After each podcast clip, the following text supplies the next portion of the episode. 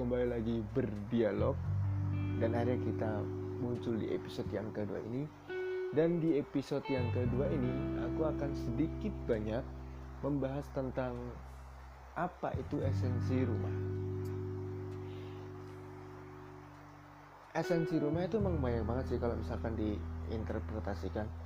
Yang pertama menurutku itu rumah bisa jadi uh, bangunan atau tempat dan yang kedua mungkin rumah itu bisa kita interpretasikan sebagai seseorang yang di mana seseorang itu justru dia mau mendengarkan keluh kesal kita mau menjadi uh, pendengar yang baik.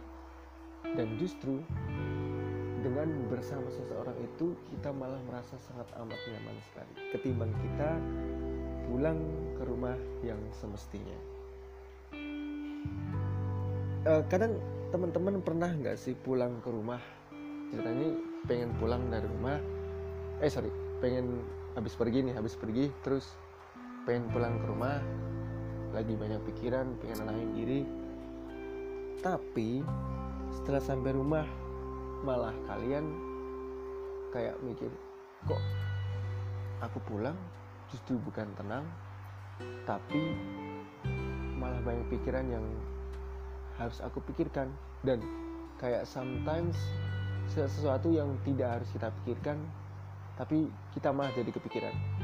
Kayak misalnya ya kita kayak misalnya nih kita kan baru uh, kita, uh, buat teman-teman yang baru aja selesai kuliah. Apalagi cowok nih kan pasti kalau habis wisuda pulang ke rumah pasti banyak banget tekanan dari orang tua yang kayak yang misalkan teman-teman belum dapat pekerjaan kayak gitu kan terus teman-teman mikir kamu kapan kerja? Kamu kapan ngelamar ke sini? Kamu kapan kapan gini gitu gini gitu. Dan ditambah lagi dibanding banding kayak tuh kayak anak ini nih kayak anak tetangga nih dia udah langsung kerja udah kayak ini nih anak tetangga ini dia udah ini ini ini tuh kayak anjir ini kita pulang pengennya buat refreshing tapi kok malah tambah pikiran kayak gitu kan. Ya sometimes kadang aku mikir kayak uh, rumah yang kita butuhkan itu sebenarnya bukan tempat di mana di sana ada orang tua kita dan sebagainya.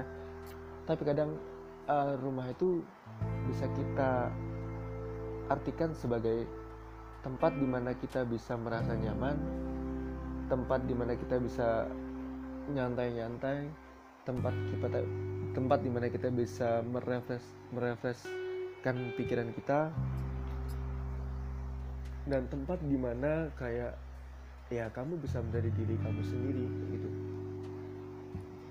Karena kadang ketika kita pulang ke rumah kita ngobrol nih sama orang tua misal kita habis dari perantauan dan kita punya hobi baru kayak contohnya uh, kamu suka main skateboard gitu ya terus kamu punya hobi skateboard baru terus kamu cerita ke cerita ke orang tua dan orang tua justru bukan mendukung tapi malah kayak ngejudge alah kamu ngapain sih mainan skateboard?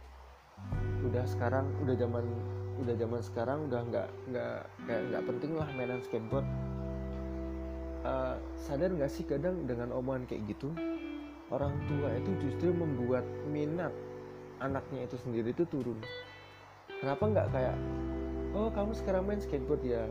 Udah berapa lama? Terus kayak kasihlah support dikit-dikit buat anak mereka. Toh mungkin. Kan gak ada yang tahu ya. Tiba-tiba anak itu jadi bisa jadi pro skater. Atau mungkin buat anak-anak lain yang yang lagi suka musik bisa jadi musisi dan sebagainya. Nah kayak gitu loh. Kadang aku sendiri bingung apa sih esensi rumah itu sendiri? Bukannya kalau kita pulang ke rumah tuh kita mendapatkan support yang lebih ya apalagi dari orang tua. Tapi kadang justru kita ketika kita pulang ke rumah bukan malah support yang kita dapat tapi malah membuat mental kita semakin turun tentang apa yang lagi kita sukain yang bukannya harus menjadi lebih bagus tapi jadi kayak kita malas-malasan gara-gara omongan orang tua tadi itu. Sebenarnya aku nggak sepenuhnya nyalahin orang tua sih tapi kayak hal seperti itu tuh berpengaruh banget buat minat seseorang kayak gitu. Jadi mungkin uh, buat teman-teman nih kalau misalkan lagi punya teman yang lagi suka sesuatu itu mungkin bisa disupport kayak ah aku lagi suka podcast nih. Disupport aja temennya. Siapa tahu kan dari dari situ dia bisa membuat karya yang lebih dari situ dia malah justru bisa menghasilkan. Kan kita nggak ada yang tahu.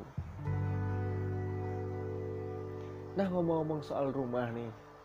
Tadi kan aku sudah sempat uh, nyebutin kalau mungkin rumah itu bisa diartikan sebagai seseorang. Kadang-kadang aku merasa setuju sih hal-hal yang seperti itu. Kadang aku justru lebih nyaman ngobrol bersama teman dekat aku yang bisa dianggap dia kan asing ya ketimbang keluarga dan mungkin kalau misalkan dibandingkan keluarga intensitasnya mungkin bisa dibandingkan lebih deket yang keluarga dibanding teman. Cuman kan kalau untuk teman intensitasnya mungkin karena kita tiap, tiap hari bareng ya jadi kayak ya kita mau cerita ini itu jadi fine fine aja.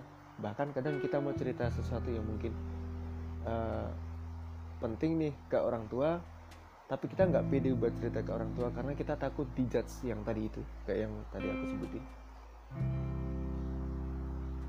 Nah jadi uh, di podcast ini aku pingin teman-teman kayak uh, mungkin bisa mempunyai wawasan baru mempunyai tentang uh, sudut pandang baru tentang sebenarnya apa sih rumah itu dan apa sih rumah yang kita perlukan kayak gitu jadi sekian podcast di episode yang kedua ini Semoga di podcast yang kedua ini teman-teman jadi mempunyai sudut barang sudut pandang baru tentang apa itu rumah. Terima kasih.